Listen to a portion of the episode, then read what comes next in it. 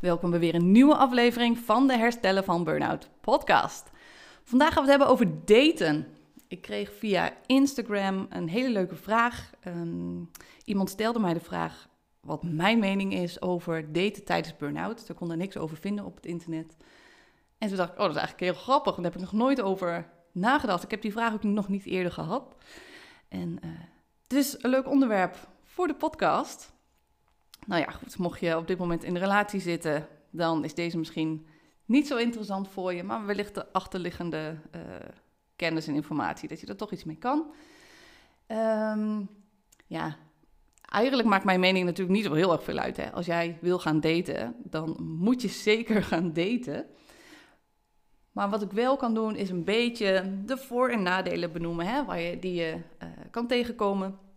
Waar je misschien ook rekening mee kan houden. En um, nou ja, het. Uh, nou ja, vooral denk ik um, het gaan inzetten op een manier die wellicht past uh, bij de fase waar je nu in zit. Um, dus ja, weet je, laten we gewoon beginnen.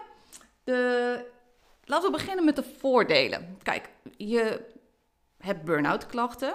Dat betekent dat je, hè, je hebt chronische stress, je maakt te veel stresshormonen aan. En dat stresssysteem voor jou wordt snel geactiveerd. Als je wil herstellen, hè, dan weet je dat je uh, moet ontspannen, dat je je brein dat seintje moet geven dat je veilig bent. En als jij gaat daten, dan spreek je dus af met iemand. En wat ons um, zenuwstelsel doet, en ons brein, die gaat dus scannen. Dus als iemand anders zich veilig voelt, als iemand zich fijn voelt, dan gaat hij zich daarop afstemmen. Die gaat, die gaat dat scannen en op basis van die informatie gaat hij zich aanpassen. Dus als jij een date hebt met iemand die zich lekker ontspannen voelt en waarbij jij je heel veilig voelt, dan kan jij je gaan co-reguleren. Dus door die ontspannenheid van de ander ga jij je ook meer ontspannen voelen. Maar tijdens de eerste dates ken je elkaar nog niet zo goed. Dus het kan wellicht zijn dat de ander zich heel ontspannen voelt. Maar als jij allerlei gedachten in je hoofd hebt over, oh, vindt die ander maar wel leuk? Um, heb ik niet iets geks gezegd? Of nou ja, je maakt je zorgen, hè? dat is vaak in het begin. Je wil uh, je, de beste versie van jezelf zijn. Dus als al die gedachten voorbij komen, dan kan die ander dus nog wel zo ontspannen mogelijk zijn. Maar als al dat soort gedachten in de weg zitten, zal je merken dat dat stresssysteem voor jou geactiveerd raakt. Dus de nabijheid van iemand die ontspannen is, is heel prettig. En dat kan echt ervoor zorgen dat je gaat ontspannen. Maar wellicht zal je merken dat die eerste paar keren dat dat dus nog niet het effect heeft. Je merkt het dus wel wanneer je wat langer met iemand omgaat of uh, wanneer je al in een serieuze relatie zit, dan um, ervaar je niet die gedachte van, oh, vindt iemand mij wel leuk? Of, hè, want dan, dan weet je dat. Dan zijn dat soort dingen al uitgesproken en ook qua gedrag is dat dan bewezen. Dus dan weet je dat ook, waardoor je waarschijnlijk um, wat sneller kan co-reguleren, zeg maar, dan uh, uh, tijdens die eerste dates. Een ander ding um, hè, waarmee je gaat kijken of je veilig bent, is überhaupt um, in het gezelschap zijn van iemand. Um, soms is het heel erg fijn om s'avonds alleen thuis te kunnen zijn, om echt even te kunnen afdraaien van de dag, om even tot rust te kunnen komen. Dus dat is het, zeg maar, het, gezonde stuk van het herstel. Maar als jij merkt dat jij uh, je heel erg eenzaam voelt, als je allerlei gedachten hebt over hè, projecties die je al in de toekomst neerzet over als je nu alleen bent, dan ben je dat in de toekomst ook. Al die gedachten, die zorgen ervoor dat jij je ook onveilig voelt. En als je dan op een date bent, dan heb je wel verbinding met iemand. Dus dan kan het juist wel weer zorgen voor een stukje verbinding, een energie, een gevoel van veiligheid.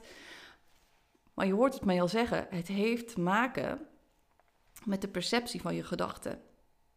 Dus wat we vaak gaan doen, is dat we een bepaalde veiligheid gaan zoeken in de buitenwereld. Dus je hebt dan iemand anders nodig om jezelf veilig te voelen, om zelf te kunnen reguleren, om um, nou ja, te kunnen ontspannen. En het is natuurlijk veel um, gezonder. En ja, je hebt dan daardoor ook zelf meer de controle als je die veiligheid in jezelf kan vinden.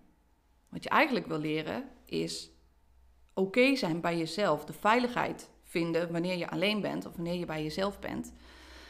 En het daten en de ander, dat je dat echt doet voor het stukje plezier, lol hebben, verbinding, hè, onder de mensen zijn, dingen oppakken. Maar niet, denk ik, als doel om externe veiligheid te creëren.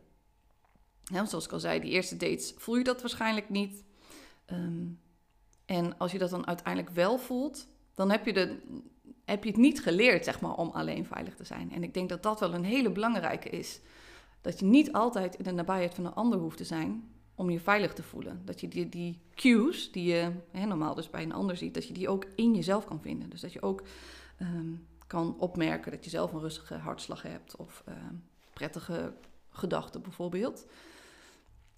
Dus ik zou adviseren, als je wil gaan daten tijdens burn-out, dat je ten eerste gaat kijken van wat is het doel? Waarom wil ik daten? Wil je gewoon plezier hebben met iemand en dat, hè, dat echt doen vanuit luchtigheid, zonder zwaarte? Dan, hè, je weet dat er dus ook een, een stukje stress bij komt. En dat is, hoeft echt niet verkeerd te zijn als je daarvan gaat herstellen. Um, hè, soms moet je ook iets van stress ervaren om um, ook weer een bepaalde voldoening te krijgen, leuke dingen mee te maken. Als je maar herstelt, daar gaat het om. Maar als je het echt doet om iemand te vinden die, waarbij jij je veilig voelt en omdat je vindt dat het zo hoort en als het dan niet goed gaat, dat je helemaal in de put raakt. Weet je, als, het, als het heel zwaar voelt en echt als een moeten, ja, dan zou ik adviseren om eerst met jezelf aan de slag te gaan en te gaan kijken, nou ja, hoe kan ik uh, oké zijn met mezelf? En uh, dan is het waarschijnlijk um, verstandiger om um, misschien met vrienden of vriendinnen op stap te gaan. En dat je dan eerst leert oké te zijn met jezelf en dat je daarna vanuit die gezonde positie, hè, dus niet vanuit een bepaalde afhankelijkheid, maar dat je vanuit een gezonde positie gaat daten. Want je zal dus ook merken dat dat ook uh, aantrekkelijker is. Je hebt meer aantrekkingskracht als jij oké bent met jezelf. Als jij jezelf leuk vindt en als je nou ja, zelf een fijne energie uitstraalt, um, dan is dat voor een ander aantrekkelijker dan wanneer jij een soort van hulpbehoevende um, energie uitstraalt. Dat je uitstraalt, ik heb jou nodig om gelukkig te zijn. Want daarmee leg je natuurlijk een hele druk bij de ander. Um, even te denken of ik nog meer aanvullingen heb. Nou ja, wat je wel zou kunnen aan zou kunnen denken als je zegt, nou ja, ik wil gaan daten, want ik vind dat gezellig en ik haal er verbinding uit en ik doe het echt wat plezier. Gewoon hè, om nou ja, een bepaalde activiteit te hebben of uh, uh, nou ja, wat het dan ook is voor jou. Uh, je zou kunnen kijken naar het moment. Dus ik zou bijvoorbeeld niet in de avond gaan, omdat het voor jou al langer duurt om te ontspannen. Ga dan in de middag wat doen met iemand. En zorg ook voor dat je um, je uitspreekt over een bepaalde tijd, dat je het aan kan. Als jij zegt, nou ja, ik kan een uur met iemand praten, zorg er dan ook voor dat je van tevoren zegt: joh, zullen we een uurtje afspreken? Ik merk dat ik daarna nog moe ben, want ik ben herstellende van burn-out klachten. Of hè, wees daar dan open over en zorg er dan um, vanaf het begin af aan al voor dat jij voor jezelf zorgt. Dat jij zelf die ruimte neemt en dat je dat uit durft te spreken. Als je dat al vanaf het begin kan doen bij iemand en als je ook het gevoel hebt dat dat mag en dat de ander daar respectvol naar is, uh, dan is dat natuurlijk een hele mooie uh, voorspellen al voor de rest van de dates en uh, voor nou, misschien wel een mogelijke relatie die eruit komt.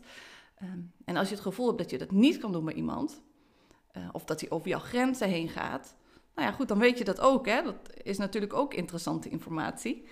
Um, maar het blijft daarbij heel dicht bij jezelf. Dus ga iets doen wat, voor jou te doen is qua activiteit, wat jij leuk vindt, waar je plezier uit haalt. Um, Ga kijken um, hoe lang je het wil gaan doen en bespreek dat. En ja, doe het overdag, zodat je daarna ook echt even tijd hebt om weer te herstellen en een beetje de dag uh, uh, rustig te, te eindigen. Um, ja, en ga dus ook kijken van, nou ja, wat, wat is je doel? Wat wil je eruit halen? Wil je gewoon daten, um, nou ja, voor het plezier of uh, zit er voor jou een veel zwaardere bedoeling achter? Dus ja, dat is een beetje mijn, zijn een beetje mijn hersenspinsels hierover. Misschien kan je er wat mee. En um, nou ja, als je op date gaat, dan wens ik je een super fijne en leuke date. En Voor vandaag wens ik je in ieder geval nog een fijne dag en tot de volgende podcast.